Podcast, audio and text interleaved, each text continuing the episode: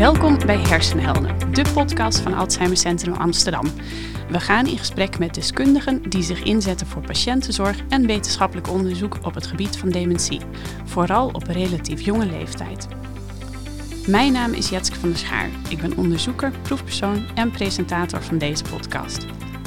Vandaag ga ik in gesprek met Philip Scheltens over dementie en de zoektocht naar een behandeling door de eeuwen heen. Welkom Philip. Je hebt eigenlijk geen introductie meer nodig, maar voor onze luisteraars stel ik je even kort voor. Je bent neuroloog, hoogleraar en directeur van Alzheimer Centrum Amsterdam. Daarnaast heb je een imponerende staat van dienst als wetenschapper. Met meer dan 1100 publicaties op je naam word je internationaal gezien als een van de meest invloedrijke Alzheimer-experts. Je hebt enorm veel betekend, niet alleen op het gebied van wetenschappelijk onderzoek, maar ook om dementie op de politieke en maatschappelijke agenda te zetten, zowel in binnen- als buitenland. En we zijn enorm vereerd dat jij het gast bent in onze show. Want vorig jaar ben je ook nog eens onderscheiden als ridder in de orde van de Nederlandse Leeuw. Een ware hersenheld. Welkom in de show, Filip. Dankjewel, Jetke. Ik word er stil van. Gaan we maar gauw door met de eerste vraag. nou, laten we beginnen bij het begin. Uh, we zijn hier in het Alzheimer Centrum Amsterdam, waar we ons bezighouden met zorg voor patiënten en wetenschappelijk onderzoek naar dementie. Maar wat is eigenlijk dementie? Dat is uh, de meest gestelde vraag, denk ik wel, uh, bij ongeveer alle um, optredens die ik zo in de loop der jaren heb gedaan. En toch uh, moet het elke keer weer opnieuw uitgelegd worden.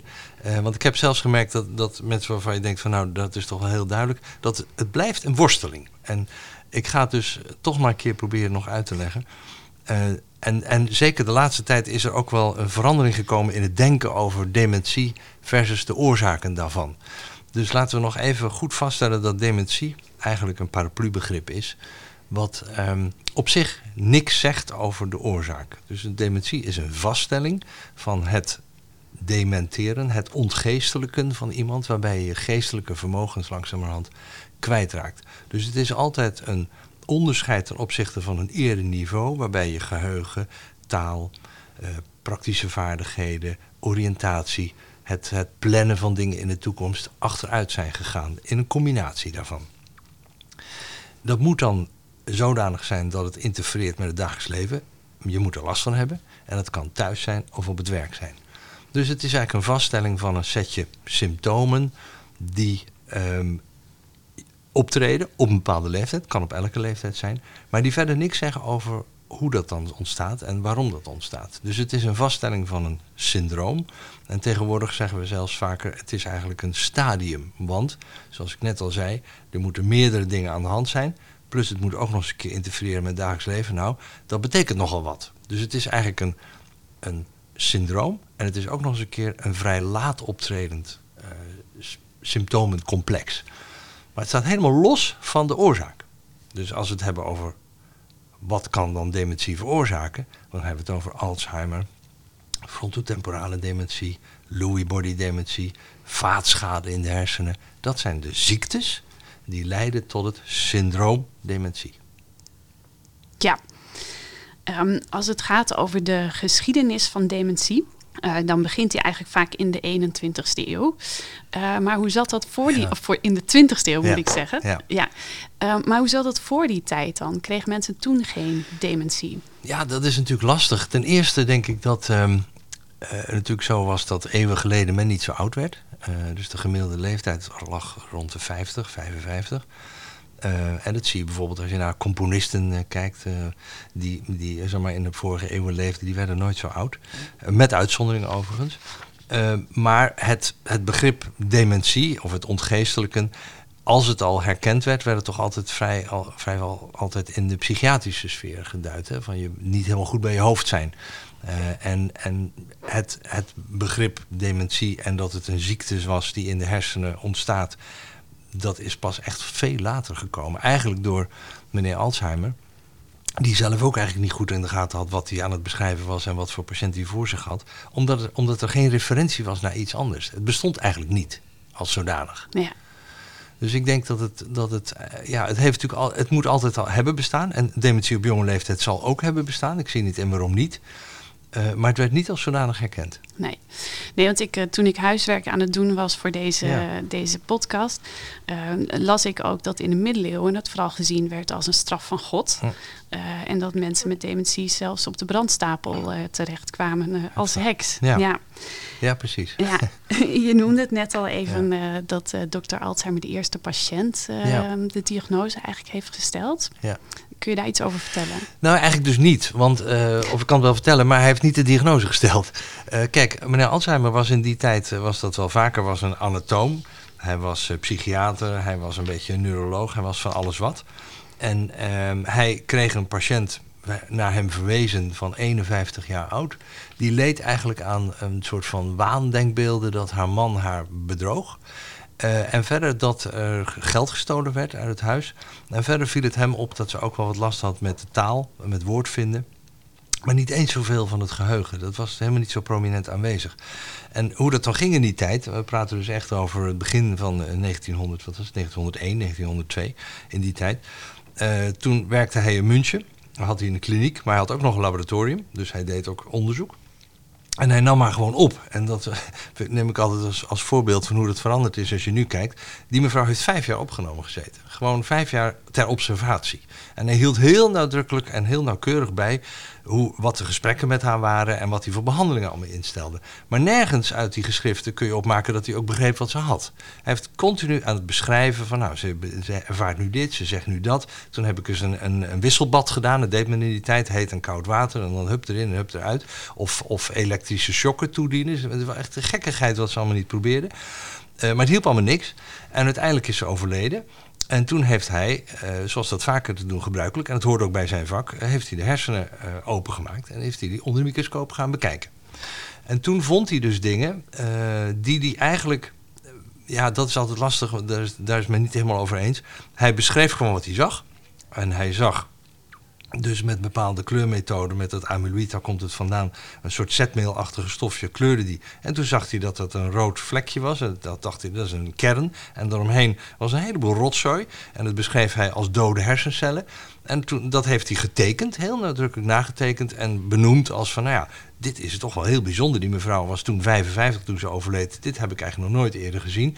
Uh, en dat, ik denk dat dat, uh, ik noem het plaks. En er zit een kern van amyloïd, dus het zijn amyloïdplaks. En, um, en daar bleef het eigenlijk bij, want hij heeft ook niet de link gelegd dat dat nou de reden was dat ze, dat ze overleed en dat ze al die klachten daarvoor had. Dus hij, heeft het, hij bleef puur beschrijvend. En ik vind het altijd heel mooi dat hij in uh, Tübingen, uh, ik ben daar nog eens een keer geweest, daar staat ook een standbeeld uh, van hem. Toen heeft hij bij een lezing voor een congres van psychiaters, want dat was toen wel de, de dominante beroepsgroep, heeft hij dat gehouden. En die hele, dit hele congres ging eigenlijk over syfilis, want dat was de meest voorkomende aandoening in die tijd. En alles wat, wat men had aan, aan spierproblemen of spraakproblemen of geestelijke achteruitgang, weet men aan syfilis. En toen was meneer Alzheimer, die hield een verhaal over deze specifieke patiënt en die vond die bevindingen. En er staat heel droogjes, en waren geen vragen. Dus men vond het totaal niet interessant. En hij is gewoon ook af door de zijdeur. En hij heeft het daarna opgeschreven. En pas later zijn de collega's van hem, en dat is de kracht, zeg ik altijd van wetenschap. Toen andere collega's hetzelfde gingen zien en beschreven, Peruzini en anderen, toen zeggen ze: hé, hey, wacht eens even, dit is een observatie, dit, dat is waar kennelijk, want anderen kunnen het ook vinden. En toen heeft zijn leermeester, meneer Krepelin, die heeft gezegd... ja, dit is toch wel heel bijzonder. Die mevrouw was relatief toch wel, wel jonger. Die had een heel bijzonder langdurig klinisch beeld. En deze bevindingen, ja, die waren er daarvoor niet, die kenden we niet. Dus dat noemen we dan voortaan de ziekte van Alzheimer. Ja. En maar zo is het gegaan. En hij had het zelf, heeft hij het echt niet zo benoemd. Nee.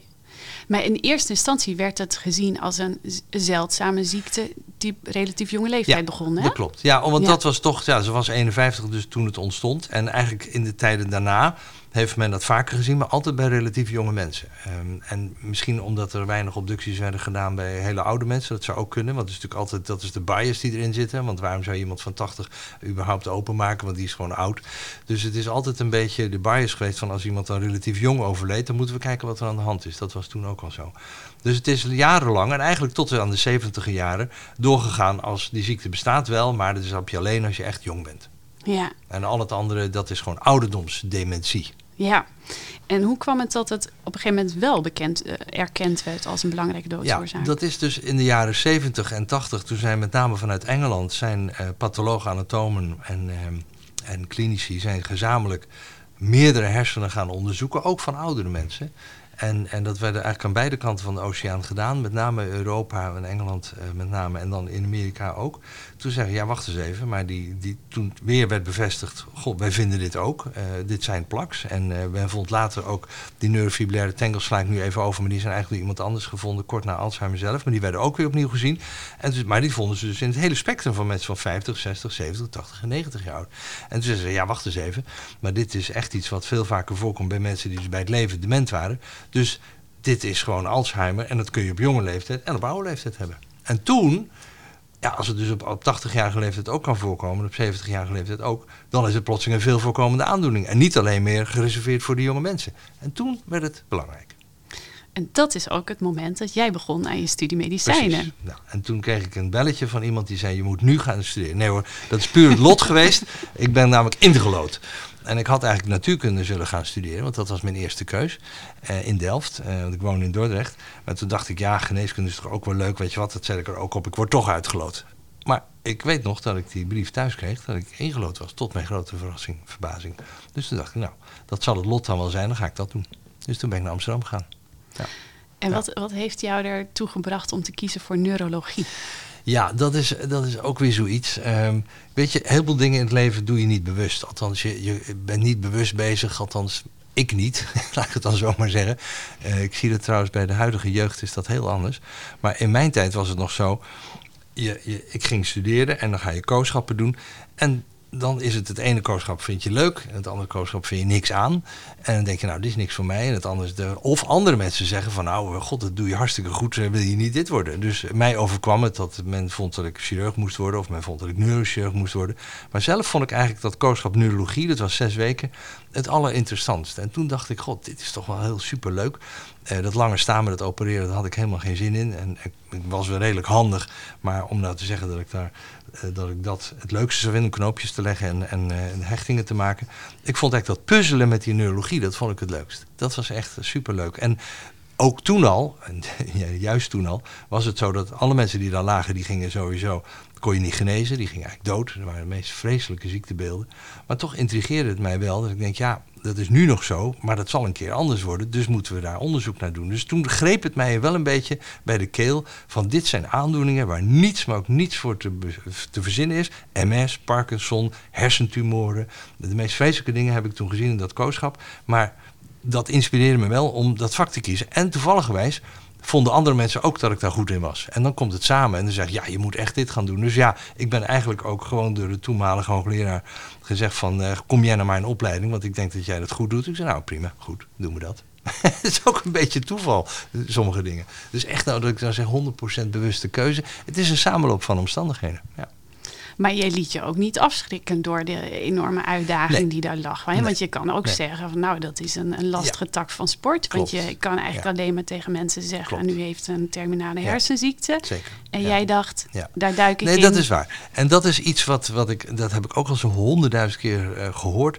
Dat mensen zeggen, hoe kan je dat nou leuk vinden, zo'n vak? Want uh, die mensen gaan allemaal dood of je hebt er toch niks, je kan er niks aan doen. In die tijd als mensen een beroerte hadden, dus een halfzijdige verlamming, dan kwamen ze binnen met, uh, met gierende sirenes. Vervolgens keek je ernaar en zei, nou inderdaad, die ene helft doet het niet meer, dat zal dan daar zitten. Maakt een scan, ja dat klopt. Leg die mensen in bed, dat was het dan. Je kon niks, helemaal niks. Dus ja, vind je dat leuk? Ja, het was leuk om het, het, het puzzelen van waar zit het dan precies. En toch zorgen voor die mensen. In die tijd lagen mensen wekenlang op een afdeling. Dus dat, dat, dat appelleerde wel. Maar tegelijkertijd toch wel weer die, die, die drang van... ja, maar er moet toch een keer wel iets te vinden zijn. Nou, en er is eigenlijk geen vak waar de ontwikkelingen zo hard zijn gegaan als in de neurologie. Dus bedoel, en, en als je nu een beroerte krijgt, dan word je met gillende sirenes naar de eerste hulp gebracht, wordt er iets ingespoten en een dag daarna ben je misschien wel voor de helft alweer beter. Of soms helemaal beter. Of doe je hele ingewikkelde ingrepen dat je met een, met een, met een borsteltje uit het vat gewoon dat, dat stolseltje weghaalt. Dus het is ongelooflijk veranderd. En eh, om even bij mezelf te blijven, als je vroeger een hernia had, dan, dan legden we die mensen altijd twee zalen van zes, waar mensen lagen met een lichtkuur voor een hernia. En dat was als artsassistent ontzettend makkelijk, want dan zei en hoe is het vandaag? Oké, nou tot morgen. Dus dat was heel fijn werken, maar het helpt natuurlijk niks. Het hielp helemaal niks. Er gebeurde helemaal niks. En, en nu eh, zeg je tegen die mensen: vooral niet in bed gaan liggen. Bewegen, fysiotherapie en eventueel opereren. Dus het is zo veranderd, dat hele vak. Ja. En, en op het gebied van dementie, ja, oh, terug, sorry. hoe, hoe zag het onderzoek er toen uit? Nou, niet. Nee, gewoon niet. Kijk, eh, de, de, de dementie in Nederland was eigenlijk was maar één iemand die er geïnteresseerd was. Dat was een psychiater, was de oude professor Stam. Ehm, die was, uh, grappig genoeg, uh, patholoog-anatoom, maar eigenlijk origineel opgegroeid, volgens mij opge, opgeleid als psychiater. Die werkte aan de Valerius Kliniek, waar ik toen ook kooschappen deed. nu inmiddels helemaal weg. En uh, die was de enige eigenlijk in Nederland, die heeft ook een boek daarover geschreven. En die had het college dictaat, wat ik nog bewaard heb, wat ongelooflijk mooi geïllustreerd was met kleine tekeningetjes. Die beschreef voor het eerst het beeld dementie. Die vertelde de hele historie van Alois Alzheimer en alle mensen die daarna zijn gekomen. En was de enige in Nederland die er überhaupt wat aan deed. En zijn leerling, Piet Eikelenboom, uh, ook verbonden als psychiater aan de, aan de VU, eh, van de Eerste Kliniek VU was in Nederland überhaupt de enige die onderzoek deed naar die ziekte. Binnen de neurologie was er niemand. Dus toen ik in die opleiding kwam in 1988, klopt dat? Ja, 88. Toen raakte ik eigenlijk bij toeval ja, in contact met patiënten met een mogelijke dementie omdat een collega van mij daar een kleine hobby in had. En die vertrok vervolgens naar Canada. En die zei, Filip, kun jij even op die patiënten passen? En bij de way, er loopt ook nog klinische trial. Wil je dat ook nog eventjes doen? Dus ik was plotseling in mijn assistententijd. Zat ik bovenop en tot mijn oren in het werk van iemand anders. Maar toen dacht ik, ja, maar dit is wel super interessant. En niemand deed er wat aan. Sterker nog, toen ik de, de wens te kennen gaf dat ik wilde promoveren op dit gebied, toen ben ik nadrukkelijk tegengewerkt door zowel mijn eigen hoogleraar als mijn, als mijn beoogde promotor en de oude stam. Die zei, joh, luister eens, ja, weet je, kijk, het is allemaal reuze interessant, maar er valt toch niks in te verhapstukken. Die mensen kun je echt niet beter maken. Ga iets anders doen. Maar dat heb ik dus niet gedaan. Zo. Ja, nee, het, is echt, het was heel bijzonder. Want ook, mijn hele, ook de mensen die, waarmee ik werkte, de artsassistenten, de staf, die hielden zich met diabetische neuropathie bezig. Of met MS, of met hersentumoren. Maar niemand deed iets aan Alzheimer. Het was gewoon een, een non-issue in Nederland. Uh, jij bent toch gaan promoveren, je hebt je niet laten ja. weerhouden. Ja, klopt. En dat was omdat, uh, dus ik ben samen met een vriendje van mij, Frederik Barkhoff, die promoveerde in de MS. En ik dan in de Alzheimer. Wij deden samen hersenscans, de MRI-scans. Uh, in de weekenden, s'avonds en s'nachts. Ik heb ook nog uh, geshout met, met dode hersenen van de hersenbank. Die legden we onder de scanner, midden in de nacht. Om uren te lang te kunnen scannen. Dus het was een hele, hele pioniertijd. Het was ontzettend leuk. Maar dankzij het feit dat ik die ruimte kreeg op de MRI-scanner eigenlijk kon ik mensen gaan scannen. En vonden we uit dat die hippocampus van die patiënten met Alzheimer een stuk kleiner was dan mensen die gezond waren op diezelfde leeftijd. Dus toen hebben we eigenlijk als een van de eerste in de wereld, we waren net, kan ik me ook nog herinneren, toen wij die publicatie van ons uit zou komen, een week daarvoor kwam er eentje uit Amerika uit die precies hetzelfde vond. Maar gelukkig vonden we wel alle twee hetzelfde. Zo zie je maar, je bent nooit het enige met een goed idee. En tegelijkertijd was het ook meteen established. Want als twee groepen aan twee kanten van de wereld hetzelfde vinden, zal het wel waar zijn. Dus zij vonden dat die hippocampusatrofie op MRI, wat daarvoor nog nooit iemand naar gekeken had. Maar je moest hem gewoon iets anders draaien en, en kijken met een iets andere zeg maar, manier van, van scannen ja, zagen we potverdrietig, dat is wat. Toen hebben we op een bierveeltje, Frederik en ik, hebben een schaal verzonnen. Van nou, 0 is geen atrofie, 4 is, dat ziet er, is er geen hippocampus meer over. En iets daartussenin, dat hebben we beschreven. En dat werd dan de Scheltenschaal. En die is nog steeds in gebruik. En dat hebben we dus, al mijn onderzoek is eigenlijk voortgekomen uit het gebruik van die schaal bij verschillende typen dementie en hele mikmak meer. En zo is het gewoon. Want tot die tijd, hoe werd toen de diagnose dementie gesteld op basis waarvan? Ja, dus um, de diagnose dementie was eigenlijk ook weer um, een beetje voortgekomen uit de psychiatrie. Hè? Want eigenlijk ook in de rest van de wereld was de, waren de psychiaters met name nog omdat het dus een mentale ziekte was en het heel dicht nou ja, Krepelin was tenslotte ook een psychiater. Uh, was het een beetje het, het, eigendom van de psychiatrie. Die hadden wel richtlijnen opgesteld of, of uh, bepaalde criteria. Maar het ging allemaal om de buitenkant. Dus iemand moest een geheugenprobleem hebben, of een taalprobleem, of een ander probleem. Moest twee van een rijtje van vijf. Er moest interventie zijn in het dagelijks leven. Het moest niet veroorzaakt worden door een vitaminetekort of een hersentumor. Nou, als dat allemaal tik, tik, tik niet zo was, ja, dan zal het wel Alzheimer zijn. Zo was het. Dus ik heb ook echt in de eerste jaren met knikkende knieën mensen gediagnosticeerd op basis van het lijstje. Maar zeker weten deed het nooit. Echt. Dus ja, want er was niks. Er was niks om het zeker te weten. Totdat die MRI kwam. Nou, toen zei wacht eens even. Ja, maar die mensen, dat klopt niet. Want er is helemaal geen hippocampusatrofie. Denk nog eens na, misschien is wel iets anders. Dus toen kwam een beetje, in, in, zeg maar, gaandeweg kwam het idee dat het een hersenziekte was, één. En dat je dus andere middelen moest gebruiken om die klinische diagnose eigenlijk te bevestigen of te verwerpen. Ja, want even voor de luisteraars, klinisch betekent? Ja, klinisch betekent dus eigenlijk aan de buitenkant gebruikmakend van klinische symptomen. Dus dingen die mensen je vertellen en dingen die je bij mensen onderzoekt. Dus een neuropsychologisch onderzoek waarbij je dan verifieert of het geheugen inderdaad slecht is en of er nog andere stoornissen zijn. Ja, dat was het. Maar het blijft toch een beetje aan de buitenkant. Terwijl het, gek genoeg, het gaat dus om een dodelijke hersenziekte. Maar je diagnosticeert hem door alleen goed te luisteren en te kijken en, en, en wat testjes te doen. Dat is eigenlijk bizar. Ja. Ja, het is natuurlijk ook lastig om bij leven in iemands hersenen te kijken. Zeker, ja. Hè, wat wat Ja. Alzheimer Ja. deed, zo'n biop nemen, dat, eh, Ja. dat kunnen we niet. Nee. Ehm, in hoeverre heeft, heeft de technologische vooruitgang een rol gespeeld in, in de ontwikkelingen? Ja, enorm. Dus in die tijd ook, we praten dus nogmaals over het begin van de jaren negentig. Toen was toch het adagium nog steeds van ja, natuurlijk, je kan die scan maken, maar de uiteindelijke diagnose wordt pas na de dood gesteld. Ja, en dat, dat heeft mij altijd enorm gefrustreerd. Want ja, wat heb je daar nou aan? Ik bedoel, ja, je kan zeggen, wacht maar even tot u dood bent, dan maken we u open en dan weten we zeker wat het is. Maar daar heb je toch bij het leven niks aan. Dus dat heeft me enorm, laat ik zeggen, ook gemotiveerd van dat moet anders kunnen. Dus nou, dan ga je zoeken naar methoden om bij het leven die processen in de hersenen, die eigenlijk niet veranderd zijn nadat Alzheimer ze heeft beschreven. Het zijn nog steeds de plaks en de tangles en alle de eiwitproblemen daaromheen. Dat is allemaal jaren negentig werk. Om die op een andere manier vast te stellen bij het leven, zodat je eerder die diagnose kan stellen. Dus ja, de technische ontwikkelingen op het gebied van het kijken naar eiwitproblemen in het hersenvocht. Later natuurlijk de, de MRI-scans die steeds zeg maar, beter werden.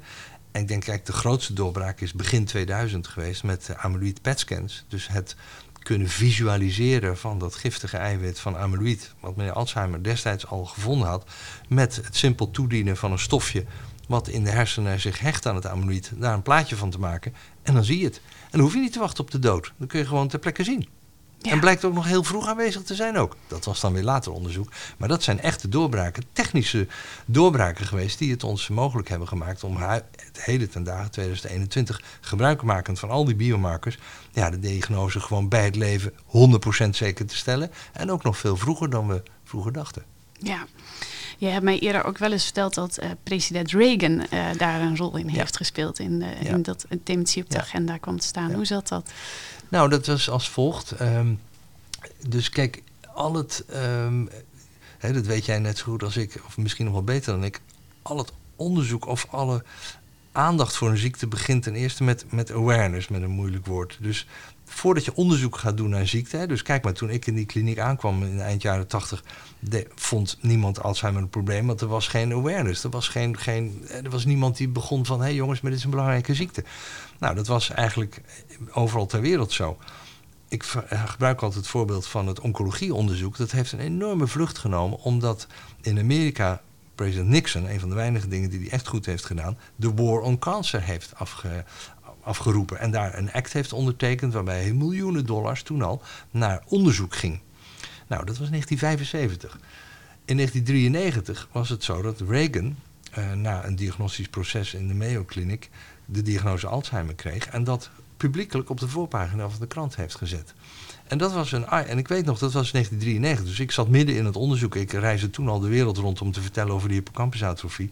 Dat mensen zeggen: Goh, wacht eens even, eh, Alzheimer. Dus dat kun je ook krijgen als je president van Amerika bent, kennelijk. En als je hoog opgeleid bent. Nou, zo hoog was hij niet opgeleid, maar in ieder geval een belangrijk figuur was.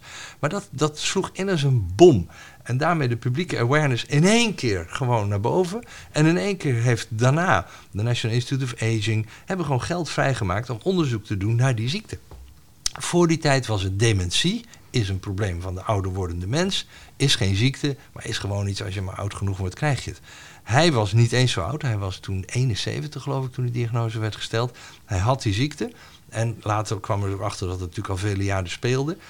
Maar hij heeft dat gewoon op de voorpagina van de krant gezet. Dat was dus durf, dus moed voor nodig. En dus, daar zijn we denk ik heel schatplichtig aan hem en zijn familie... dat ze dat zo openbaar hebben gemaakt. Want toen is de hele boel aan awareness en onderzoek pas echt op gang gekomen. Ja. Maar er zit wel twintig jaar verschil tussen de kanker en, en dus Alzheimer.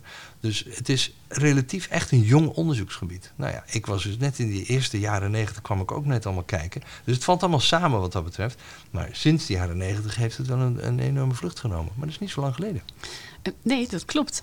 Wa- Wat bracht jou ertoe om in 2000 eh, het Alzheimer Centrum Amsterdam op Hmm. te richten? Ehm, ja, ook weer een beetje toevallige samenloop van omstandigheden. Dus ik was in ehm, de jaren 90, ben in 91 was ik neuroloog. En toen dacht ik, ja, dit veld, eh, hier wil ik in verder. 93 gepromoveerd, dus ik richt een klein geheugenpolykliniekje op. Heb ik samen met Freek Gillissen, die verpleegkundige, heb ik toen weggehaald bij de psychiatrie. Daar waren we niet zo blij mee, maar ik zei, ja, maar hij moet mij helpen. En toen hebben we samen een geheugenpolykliniekje opgericht. En uh, de eerste promovendus was, uh, volgens mij was dat destijds Esther, denk ik. In de jaren, nou ergens halverwege jaren negentig. Dus ik kreeg een klein groepje voor me en ik ging patiënten zien. En ik kreeg een apart, apart spreekuur daarvoor. En Freek hielp mij om die zorg te organiseren. En nou ja, dat, dat groeide en groeide en groeide. Nog eens een keer promovendus, nog eens een keer promovendus. En je had toen in Nederland Alzheimer Nederland, Stichting Alzheimer heette dat toen nog, of de Alzheimer Stichting heette het toen. En die waren net bezig om in Nederland te kijken of ze bepaalde centra uh, aan zich konden binden. Uh, en daar dan het, voor, predicaat Alzheimer Centrum aan konden geven. Nou, de eerste was Maastricht, want dat was in alle, met alle respect en eerlijkheid de allereerste geheugenpolykliniek officieel in Nederland. Wij kwamen net daarna. En toen kregen wij in het jaar 2000, toen werd ik hoogleraar, uh, werd ik benoemd als hoogleraar. En toen dacht ik, nou, wat is er nou een mooier cadeau als we ook het predicaat Alzheimer Centrum van Alzheimer Nederland kunnen krijgen. Dus dat is op diezelfde dag, 6 december 2020, hield ik smiddags mijn oratie. En s ochtends hebben we hier uh, ondertekend een, een, uh, zeg maar een, soort van akte tussen Alzheimer Nederland, Stichting Alzheimer en wij. Dat wij voortaan de naam Alzheimer Centrum mochten dragen. Zo is het komen. Dus je had uh, technische vooruitgang, er kwam enige urgentie voor. Je ja. had hier het centrum.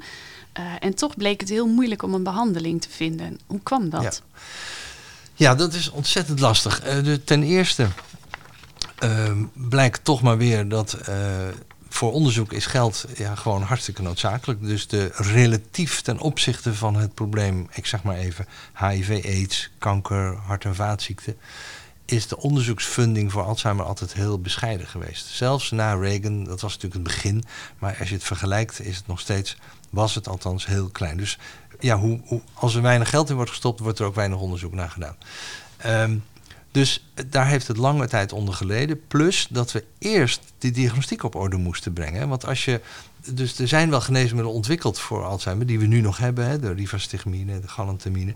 Maar die zijn dus allemaal ontwikkeld op basis van dat aan de buitenkant kijken, heeft iemand Alzheimer of heeft hij het niet. En een idee wat er toen bestond over de ziekte van Alzheimer als een proces van neurotransmitters, wat uh, niet helemaal klopte. Nou, daar zijn wel middelen ontwikkeld, maar dat had natuurlijk niet te maken met de kern van de ziekte. En die konden we pas zeg maar, gaan onderzoeken toen we ook die beeldvormende technieken hadden en het hersenvocht hadden om die eiwitten in, bij het leven te gaan onderzoeken. Dus het heeft echt, nou, ik denk tot 2004 minimaal en pas daarna, laat ik zeggen, in de jaren tussen de jaren 2004 en 2010, dat de eerste geneesmiddelenstudies op gang kwamen die echt probeerden die ziekte in de basis aan te pakken. Ja, en in een vroeg stadium ook. En in een vroeg stadium. En dan was het nog zo lastig dat dus ook uh, de, de, hersenen zichzelf enorm goed beschermen tegen alles wat je aan de buitenkant erin stopt door de bloed-hersenbarrière. Dus het is gelukkig zo dat je heel veel dingen die wij um, eten en drinken en aan de geneesmiddelen nemen, niet per se de hersenen inkomen, omdat die bloed-hersenbarrière de grootste moleculen gewoon tegenhoudt. Dus dat, dat, dat was lastig om, uh, om goed onderzoek te doen naar medicijnen die goed in de hersenen doordringen en die het proces bij de basis aanpakken. En omdat we toen nog in dat tijdsgevricht zaten, want er is een hoop mislukt, omdat we toen nog niet echt goed bezig, niet echt klaar waren met de diagnostiek helemaal op orde te brengen. En we ook nog moleculen testen die ook nog niet helemaal, uh, laat ik zeggen, het laboratorium helemaal klaar waren. Maar er was toen ook al een behoorlijke druk van, ja, maar luister er moet toch wat aan gedaan worden. En zie eens, we hebben, we hebben succes met MS, we hebben succes met oncologie. Dat moet toch hier ook lukken. Dus er zijn ook wel een paar, uh, laat ik zeggen, onverantwoordelijke stappen genomen in dat gebied. Waardoor je achteraf kunt zeggen, ja, dat had je beter niet kunnen doen, want je wist van tevoren dat zou falen. Dus het is een beetje vallen en opstaan, zoals met alles.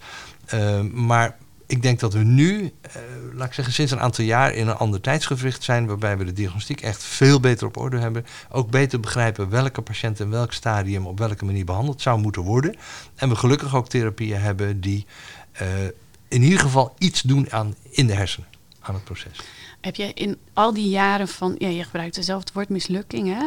Ja. van tegenslagen en uitdagingen, om het zo maar te zeggen, ooit getwijfeld ja. of het wel mogelijk zou kunnen zijn om dementie te remmen of te stoppen of te genezen zelfs? Nou, nee, dus dementie gebruik ik dus eigenlijk liever niet, omdat het een stadium is en dat is, zo, dat is een veelkoppig monster. Hè, want dementie kan ook veroorzaakt worden door heel veel andere dingen en combinaties van.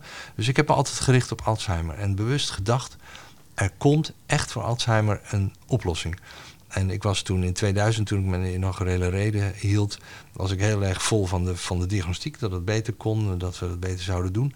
Maar altijd met het idee dat dat nodig was, niet vanwege de diagnostiek aan zich, maar om uiteindelijk geneesmiddelontwikkeling mogelijk te maken. Dus ik heb eigenlijk ja, nooit getwijfeld. Ik heb altijd wel teleurgesteld geweest dat dingen niet lukten. En dat mensen er zo ja, bijna agressief op reageren dat het weer niet lukte. Dan denk ik, ja jongens, A, ik bedoel, ik weet hoe lang we bezig zijn, is echt niet zo lang. En ik weet waar we vandaan komen. Dus als je dat perspectief hebt, dan is dit wat we bereikt hebben eigenlijk al heel wat. Dus bekijk het nou eens van de andere kant. Het glas is half leeg of half vol. En in dit veld zijn er heel veel mensen die heel graag naar het glas half leeg kijken, terwijl ik altijd gekeken heb dat het half vol is. En eh, ik denk dus dat we uiteindelijk ook nog verder gaan komen dan dat we nu zijn, absoluut. Je zei net uh, ten aanzien van je carrière en keuzes dat dingen ook wel zo gelopen zijn. Ja. Maar je hebt ook wel bewust enorme stappen gezet om, uh, om het, uh, het, onderwerp op de agenda te krijgen. Met initiatief voor Deltaplan Dementie. Ja.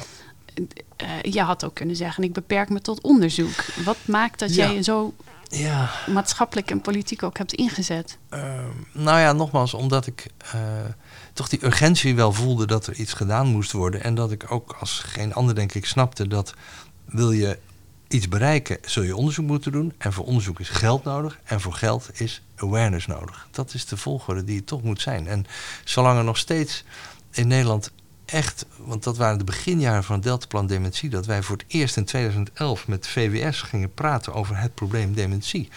En dat men geen idee had hoeveel patiënten er eigenlijk waren in Nederland en wat het al niet kostte. Dus er was gewoon geen besef dat dit een belangrijke aandoening is. Toen dacht ik, ja, maar dan moeten we dus, dan moet er een nationaal plan komen. Dan moeten we met z'n allen de boer op. Want het is verdorie, eh, het is hartstikke belangrijk.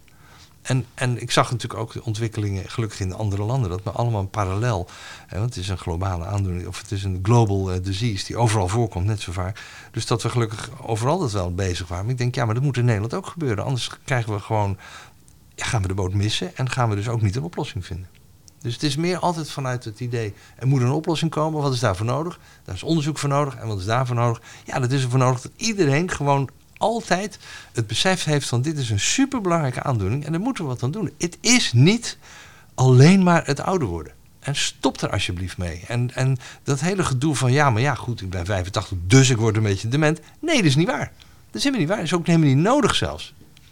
Het is als je, je kunt een ziekte krijgen en dan word je dement, maar niet omdat je ouder wordt. Ja, recent uh, lijkt dat ook bevestigd te zijn. Uh, nu de FDA, de Amerikaanse. Geneesmiddelenautoriteit, een eerste behandeling heeft goedgekeurd. Ja. Wat is dat precies voor behandeling? Ja, ook weer een mooi, mooi verhaal. Want uh, dat is eigenlijk een, een, een therapie, dus, dus een antilichaam... wat zich dan richt tegen het ziektemakende eiwit amyloïd. En dat, die therapie is eigenlijk ontdekt door wetenschappers in Zurich... Roger Nietzsche en um, Christopher Hock. En die ook weer heel mooi uit een klinische observatie... dat zij zagen dat er heel veel echt oude mensen waren... die op hoge leeftijd intellectueel, cognitief heel goed presteerden. En als je nou het adagium aanhoudt dat iedereen Alzheimer krijgt als je de 80 eh, passeert, dan denk je dat is toch wel gek. Dat ze het niet worden. Dus die hebben heel slim gewoon bij die mensen bloed afgetapt. Ze hebben testjes gedaan, bloed afgetapt. En die zijn gaan zoeken naar natuurlijke antilichamen die die mensen hadden tegen dat amyloïd. Dus kennelijk waren die mensen zichzelf, hadden zich beschermd tegen het ontstaan van die ziekte. Want ze hadden gewoon dat immuunproces zo ingezet dat het amyloïd niet kon ontstaan. Nou, uit dat uh, proces is uiteindelijk het geneesmiddel aducanumab als eerste uh, tevoorschijn gekomen. Door nou, een heel lang proces. Maar dat, dus het is eigenlijk een natuurlijk ontstaand uh, antilichaam wat gemaakt is tot iets wat je toe kan dienen aan de buitenkant. Wat inderdaad in de hersenen het amyloïd-eiwit in de klonters, in de plaks, maar ook het stadium daarvoor aanzienlijk verminderd. En de reden waarom het zo belangrijk is dat de FDA dit nu zo besloten heeft, want er is best veel kritiek op en die snap ik ook wel, is dat zij hebben geredeneerd. Alzheimer is een dodelijke ziekte. Dat is al een hele belangrijke vaststelling. Het is niet een normaal fenomeen wat past bij de leeftijd. En deze therapie maakt dat de hoeveelheid ziektemakende eiwit drastisch vermindert. Mm, daarbij denken wij dat dat uiteindelijk een gunstig effect heeft op het ziektebeloop. En dat was de ter discussie, want dat was in de studies eh, niet helemaal duidelijk geworden. Eén wel en de andere niet. Dus zij hebben echt hun nek uitgestoken. Naar analogie vind ik altijd, zoals bij MS is gegaan, zoals bij oncologie is gegaan, de ziekte in de basis aanpakken en daar een, echt een, een eclatante effect hebben. En dan hoop je, denk je, dat als je het maar lang genoeg volhoudt, dat de mensen daar uiteindelijk ook beter van worden. Of niet zieker van worden, dat moet je eigenlijk zeggen. Om uiteindelijk dat stadium van dementie wil je voorkomen. Dus je wil in een heel vroeg stadium die ziekte oppakken. Dat kan, met scans, met hersenvocht, dat weten we nu, dat kan heel vroeg. Dan een therapie toepassen die dat hoeveelheid amyloïd ja, echt gewoon wegvangt en opruimt. Nou, dan hoef je dus ook niet zieker te worden en stel je dat proces dementie uit. En hoe klein of groot is het effect van deze behandeling voor patiënten? Op, op, het, op de hoeveelheid amyloïd is het een heel groot effect. Dat is ongeveer 80% reductie van de hoeveelheid amyloïd. Dat is echt veel. En uh, dat is dus niet alleen aducanumab, want inmiddels zijn er meerdere antistoffen die een klein beetje op dezelfde manier werken. Die hebben allemaal hetzelfde effect. Dus het is eigenlijk een klasse-effect. Ja, en klinisch, dat moeten we eigenlijk nog zien. In die 18 maanden studie uh, was er eigenlijk was er 30% verschil tussen placebo en, en echt in, de, in, de, in een van de twee studies. En in de andere twee studies was het net niet zo. Dus dat is nog een beetje te bezien. En dat was op een hele globale uitkomstmaat, de Clinical Dementia Rating, waarbij een gesprekje tussen arts en patiënt eigenlijk een soort van idee wordt gevormd van hoe erg iemand eraan toe is. Dus een vrij zachte maat, moet ik zeggen. Um, maar goed, dat, dat moet in de praktijk uiteindelijk uitgewezen worden. En ik denk dat je ook met gevoeligere maten waarschijnlijk veel eerder een effect vindt. En dat wordt op dit moment ook gedaan. Maar al zou je maar die ziekte stoppen, de hoeveelheid amyloïd eigenlijk tot, tot ja, opruimen. Daarbij ook de aanmaak van het giftige eiwit eigenlijk afremmen, want dat doe je ook. Dan, hoef je dus, dan kun je verwachten dat iemand dus niet verder achteruit gaat als je het maar op tijd genoeg gestopt hebt. Want dat is een beetje de discussie. Als je daar relatief te laat bij bent, is er al zoveel schade ontstaan, ja, dan zul je het ook klinisch niet merken. En dat is een beetje waar de discussie nu over gaat. Uh, maar ik vind het, en dat merk ik ook in het veld, het is echt een enorme uh, doorbraak dat die beslissing is gedaan. Uh, want het, het, inspireert gelukkig heel veel mensen, heel veel onderzoekers om. Er hing toch een beetje een doem over het geheel. Maar dat er nu toch inspiratie is. Ja, maar we kunnen wel wat bereiken. Zie je wel, er is een medicijn goedgekeurd. En nummer twee en nummer drie komen er ook binnenkort aan. Dus we gaan hier harder aan werken. Want we weten allemaal, dit is maar een onderdeel van de ziekte. En het is niet de hele ziekte. Dus we zullen veel meer moeten doen om uiteindelijk met een cocktail van medicijnen die ziekte bij het begin te stoppen voordat de dementie ontstaat. Ja, dus daarmee is de ziekte van een, een progressieve terminale hersenziekte omgedraaid in een behandelbare aandoening. Precies, precies, dat is het. En, en aan het begin, toen we het hadden over wat is dementie nou eigenlijk, toen gaf je al aan, er zijn verschillende oorzaken. Uh, de ziekte van Alzheimer is, de, is uh, de meest voorkomende oorzaak. Ja. Maar wat betekent deze behandeling voor die andere ja. vormen van dementie? Ja, nou, dat is een hele goede vraag. Um, Kijk, de, de, andere vormen van dementie zijn ook um, degeneratieve ziekten, om het maar even samen te vatten. Dus dat zijn hersenziekten waarbij hersencellen uiteindelijk doodgaan. Maar die komen allemaal veel minder voor dan Alzheimer. En dat is een klein beetje de, ja, zoals het werkt in de markt, zou ik bijna zeggen. Dat grote farmaceutische industrie, maar ook wel biotechbedrijven geneigd zijn om iets aan te pakken waar, waar een zekere markt voor is. Wat je nu ziet gebeuren is dat er veel meer bedrijven zich oriënteren op het bredere proces van neurodegeneratie, waarbij een aantal factoren een rol spelen die eigenlijk generiek zijn voor alle vormen van dementie. Dus ontstekingsfactoren bijvoorbeeld spelen een rol bij Alzheimer, maar ook bij frontotemporale dementie, bij ALS en bij andere neurodegeneratieve ziekten. Dus er zijn in toenemende mate ook bedrijven die zich richten op die meer algemene hersenprocessen die een rol spelen bij degeneratie. En daar moeten we het van hebben, denk ik. Uh, dus ook daar speelt deze beslissing wel een belangrijke rol. Want die, dit incentive is er nu ook veel meer om breder te kijken. En om te denken, wacht eens even, als het hier lukt, zou het daar ook kunnen lukken. Jouw uh, carrière begon een beetje toen, toen de ziekte op de kaart uh, kwam ja. te staan. We, je maakt nu die doorbraak door dat er ja. een eerste behandeling is goedgekeurd. Als je vooruit kijkt, hoe denk je dat de toekomst daaruit ziet? Wanneer ja, zeker. Nou, mijn ideaal beeld. Um, dus ja, het is wel het is leuk om hier even bij stil te staan. Want ik heb natuurlijk en ben wel een beetje een gelukskind. Want ik heb dus alles meegemaakt wat er zo ongeveer aan ontwikkelingen zijn. Hè. Dat is wel grappig. Dus, en dan ga ik ook nog meemaken dat er een medicijn op de markt komt. Hopelijk ook in Europa. Dus dat is, de, dat is al de eerste wens. Dus hopelijk komt het ook in Europa. Dan kunnen we daarmee aan de gang. Dat gaan we ook zeker doen. Maar mijn ultieme wens is dat je uiteindelijk dus een patiënt presenteert zich met een probleem. En liefst niet met een dementie, want dan ben je eigenlijk al te ver heen. Want dan moeten er dus meerdere problemen zijn die ook nog eens een keer interfereren in het dagelijks leven. Dan denk ik altijd, ja, dat had eerder opgepikt moeten worden. Let even op, alsjeblieft. Dus hoe eerder, hoe beter. En dat we dan in de hersenen de verschillende ziekteprocessen, dat kan een Alzheimer-proces zijn, dat kan een, een ander eiwitvouwingsproces zijn, wat lijkt op frontotemporale dementie. Er kan een genetisch probleem zijn, dat we dat heel snel in kaart brengen en dat we daar voor elk van die onderdelen gerichte therapie kunnen geven. Dus ik stel me zo voor dat in 2030 uh, eh, dat we bijvoorbeeld voor de ziekte van Alzheimer, dat we natuurlijk gaan we die stofzuiger inzetten, die aducanumab of een van zijn opvolgers, om in ieder geval dat op te ruimen. Maar tegelijkertijd moeten we medicijnen inzetten die voorkomen dat er nieuwe ellende ontstaat. Tegelijkertijd moeten we medicijnen inzetten die dat ontstekingsproces beteugelen. Want het is eigenlijk goed en kwaad in, de, in op dezelfde manier. Dus je moet, daar moet iets mee met het ontstekingsproces. Want je hebt het enerzijds nodig, maar anderzijds kan het ook weer doorschieten. En anderzijds denk ik dat we heel erg veel gaan zien van genetische therapie, gene editing. Dus het knippen van het DNA en, en kijken of je daarin kunt veranderen. Die maken dat bijvoorbeeld een belangrijke risicofactor, die, die we al sinds 1993 kennen, dus het ApoE4 dat is de allerbelangrijkste risicofactor voor het krijgen van ziekte van Alzheimer op ja, gewone leeftijd.